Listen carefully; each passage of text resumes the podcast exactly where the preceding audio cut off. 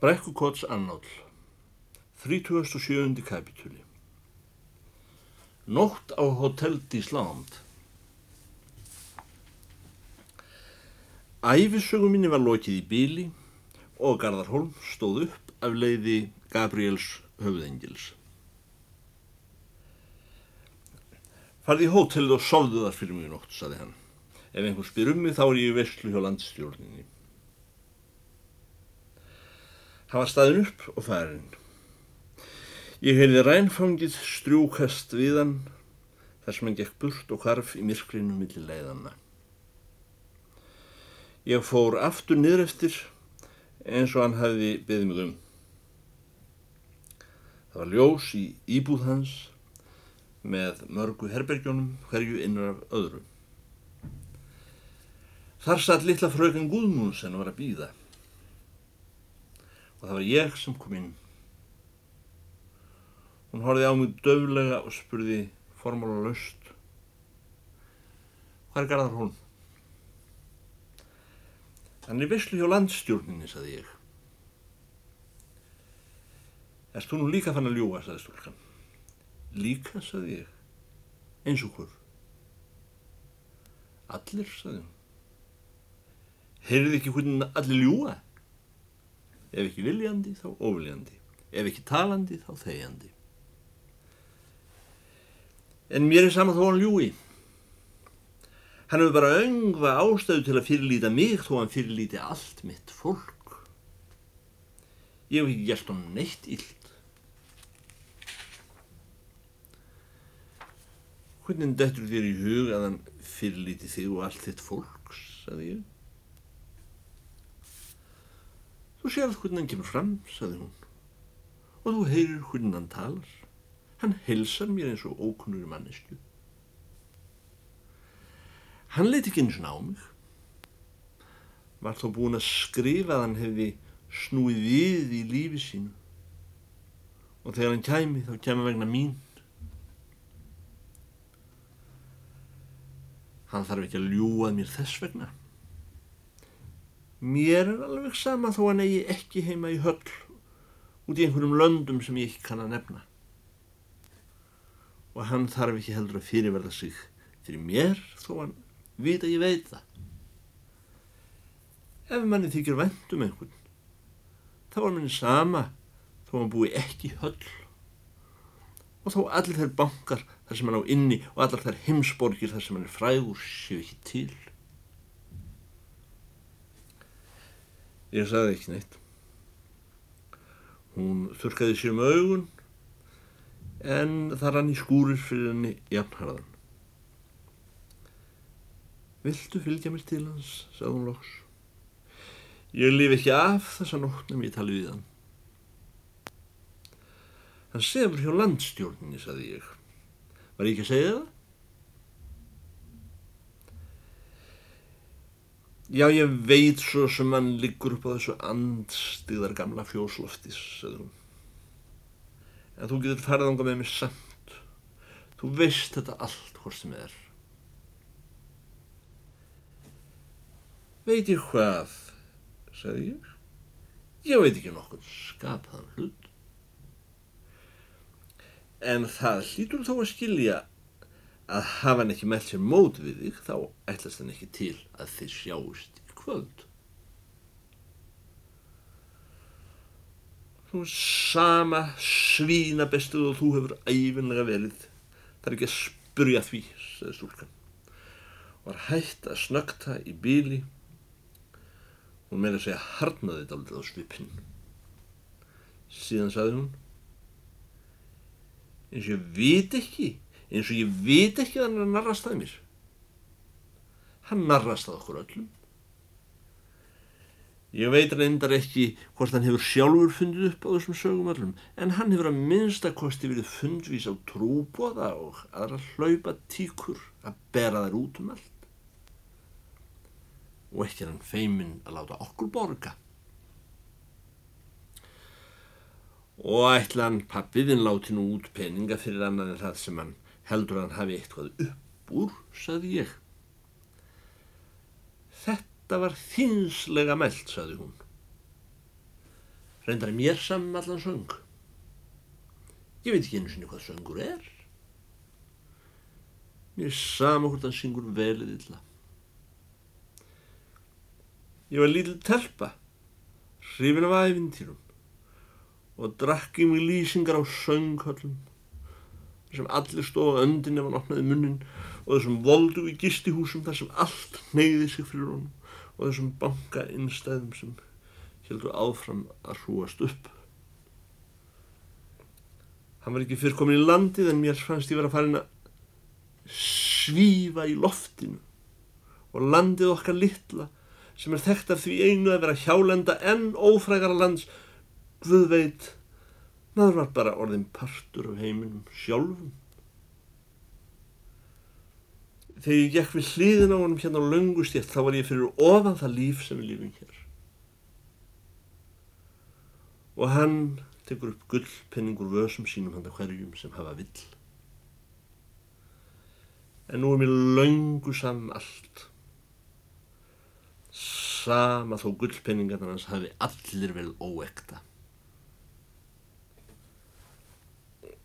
Hvað er komið fyrir, spurði ég komið fyrir, sagði hún.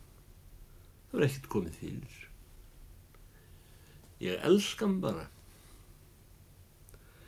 Ég skrifa honum að þó hann væri daglauna maður í landi sem ekki þekkist og heitir Jóðland og er ekki einu sinni land. Já, þó hann ætti þar konu og börn. Þá væri ég hvena sem er reyðubúin að láta honum allt í téð sem hann vildi þykja. Hann er sá einn maður sem ég hef hrifist af um dagana og engin maður annar en hann getur nokkun tíma átt mig. Og þessu getur þú skila til hans frá mér fyrst þú vilt ekki fylgja mér til hans. Einhverjum var ég að segja það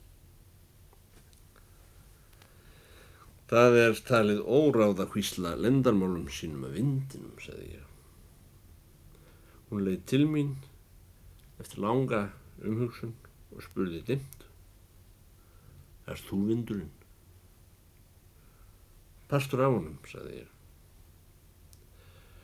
Dómkirkjuklukkan sló eitt eða sló hún kannski tvö. Fleira var ekki hægt að segja í bíli. Að minnstakosti gæti ég ekkert sagt sá maður sem setið það á grótgarði út í slagviðir eina nótt í vetur sem leið og beðið eftir skugga á tjaldi og tapað þessum skugga fyrir fullt og allt. Það faraði að verða framorðið, sagði ég. Framorðið, sagði hann. Hvernig þá? Ég sagði, það komið látt fram á nótt. Þetta kalli ég ekki framorðið, sagði hún. Hún starði út í bláin stjörf eins og minn gera þegar þeir eru að jafna sig eftir harm. Það er bara nýr dagur, bætti hún við. Rauðu hanskarnir hennar með kaurinu lágu á borðinu. Hún satt í raug á sófanum og leitt hendunar hanga fram af njákollunum.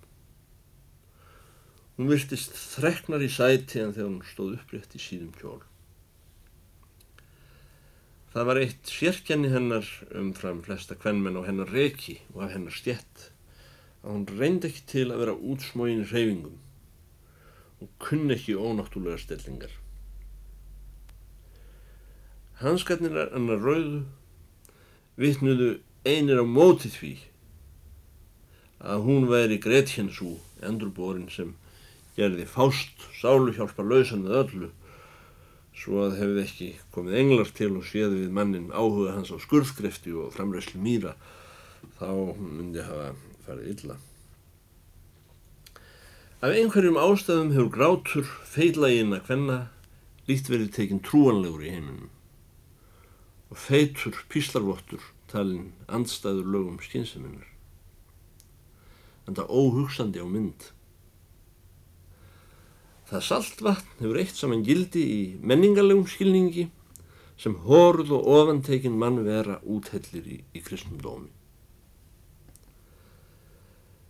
Þó er saga eins og svo sem stúlkan sagði mér eðlilegri sé hún framborin í votum, söltum, umbúðum.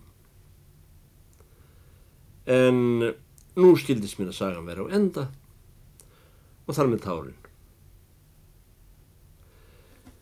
Finnst þér ekki tími til komin að fara að fara, saði ég. Hún vaknaði úr leiðslu og saði snögt og reyðilega, farðu sjálfur. Ég ræði hvað ég verð. Þetta er mitt heimili. Það er ég sem er látið útbúa þessa íbúð og ég sem borga. Ég byrðið velbyrðingar, saði ég. Þeim mun meiri ástæða til að ég fara að hýpja mig. Ég fór að leita hattkúnum mín. Liggur því eitthvað á, saði hún. Þá verð nokkuð nýra við ef þú ert orðin sá partur af vindinum sem er farin að berast ótt yfir. Ég held áfram að leita hattinu mínum, þá get ég fann hann. Ætlar ekki að sitja ögn mér til hugaléttis með ég býð, saði hún. Ef þú ætlar að býða, þá er ég hrettur um að þú verðir að býða til morguns, saði ég. Ættum við að vekja þjónustu fólkið og láta það koma með hressingu, hún. Ég saði, hressingu? Eftir alla vissluna í kvöld? Ég hef ekki bræða votnið þurft í allan dag, hún. Heldur þú að veislan í kvöld hafi verið haldin til þess að einhver fengi að borða og drekka? Ég átt, fylli mína, saði ég. Þú ert líka sálarlaus, saði hún. Ef þú ert svöng, saði ég, þá minnir mig að þarna séu fimmura kökur á hillu í skáp. Kondu með það, saði hún og þerði leifar grátsins af nefi sér með vasklútnum. Það eru hvort sem er mínar kökur. Ég bar þegjandi fyrir hana afgangin af rjómakökunum síðan í dag. Þannig að þú værir að kasta fyrir hund. Þú er svo sem ekki að bjóða menni að gera svo vel, sagði hún. Ég veit ekki betur en ég hefi látið þarna hníf gaffal og skeið, sagði ég. Þú skilur mig líklega ekki eftir eins og róttu hér í rjómakökunum hans. Þú ert vonandi sá kavaléri að borða með mér til samlætis. Gjörðu svo vel. Háðu sæti. Nei, takk, sagði ég. Ég hef farið húsa vilt. Og ég er ekki meiri kavaléri en þetta. Völd sæl. Hún brást við þessari kveðjuminni, svipað og óþjett ílát sem hefur verið snöggfyllt af vatni og grætur um öll samskiti. Jésús minn góður, þú ert það mesta svína besta manni sem ég hef nokkun tíma á æfi minni vitað, sagði hún upp úr táraflóðinu. Aldrei hefði mér dóttir í hugaðan en þess illmenni geti verið til. Auk þess sem það leggur af þér sótþefin og fílafíðuslíktina. Mér hafði í raunin ekki dóttir í hug sjálfum að ég væri svona vondur. Og að því helgaðist það að ég settist niður hjá stúlkunni og fór að reyna að hugga hana. Og eins og jafnan þegar á að sefa barn eða fyrirgefa aðbrót þá verður þar endir allrar raukhugsunar en önnur lágmál taka völdin. Eftir vil lífið sjálft eins og það er. Og hinn er fáustuttu næturtíma liðu af á Hotel d'Island um morgunin í björstu um það bíl sem eirarkallar voru að fara á fætur kom Garðar Holm að okkur litlu fröken Guðmundsen þar í íbúð sinni hann heilsað okkur með handabandi og brosti við okkur myrku reikningsmanns brosi sínum Svall næturinnar hafði ekki spilt honum. Hvergi sá á honum letni hrukku nema kannski brot úr heistrái eftir á honum og hann var ögn fölur. Hann dró upp úr vasa sínum nokkur tölblöð af heimsblæðinu The London Times og laði á borðið.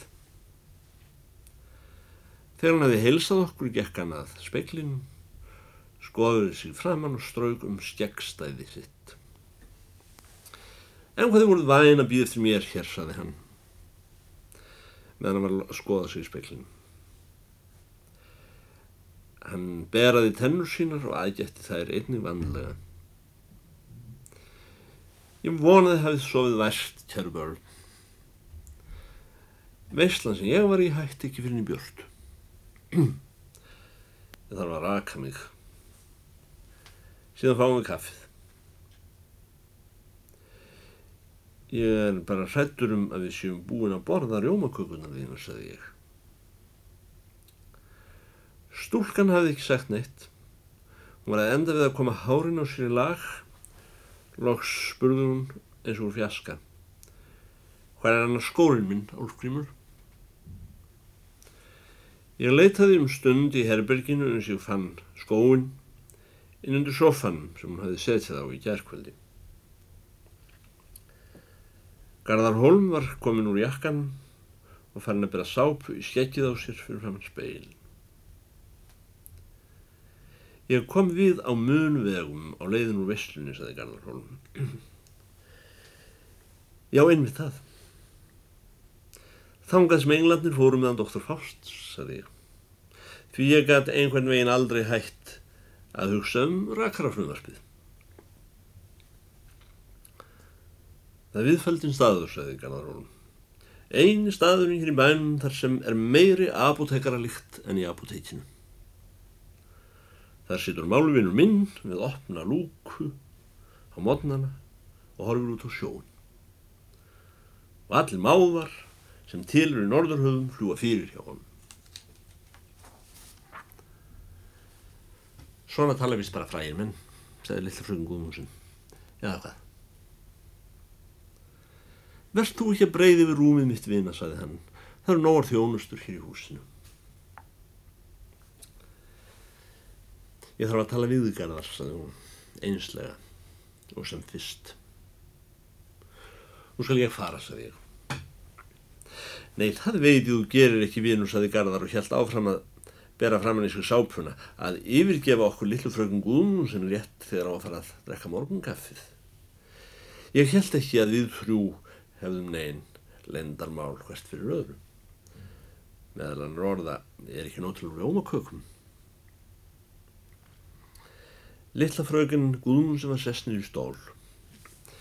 Ég og hann Álfgrímur hérna, sagði hún, við erum trúluð. Við trúlofuðum okkur í nótt. Húra, bravo, sagði Garðar Holm. En hvað það var gaman. Ég samfagn ykkur innilega. Nú raka ég mig. Síðan höldum við trúlofunargildi. Við látum koma kampavín. Ég, Álfgrímur, stóð við gluggan og horfði niður á götuna þar sem einn góskarl var að rekka kýr. Og nú, þegar nótti var líðin, gæti ég sannast að segja ekki stilt mig um að humma dáliti við.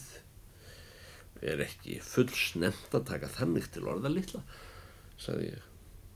Einhvern nokkuð að vera að fytja upp úr svona tali við hann Garðarhólum. Hvað áttu við, spurði hún. Ég við, það hefur kannski ekki gerst svo mikið raun að veru. Nefna, hvað við erum eins og hverjir aðra mannkindur, sagði ég. Hefur ekkert gerst, sagði hún.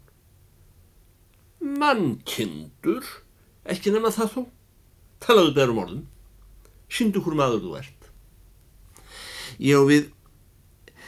Það hefur ekki gerst neitt umfram það sem gerist þegar svipað er ástætt. Kallmaður er kallmaður og hvennmaður er hvennmaður. Það sem þar er til viðbótar eru ytri atvik. Svo það hefur ekkert gert, nei, sagði hún. ekki annað það sem vantir. Ha!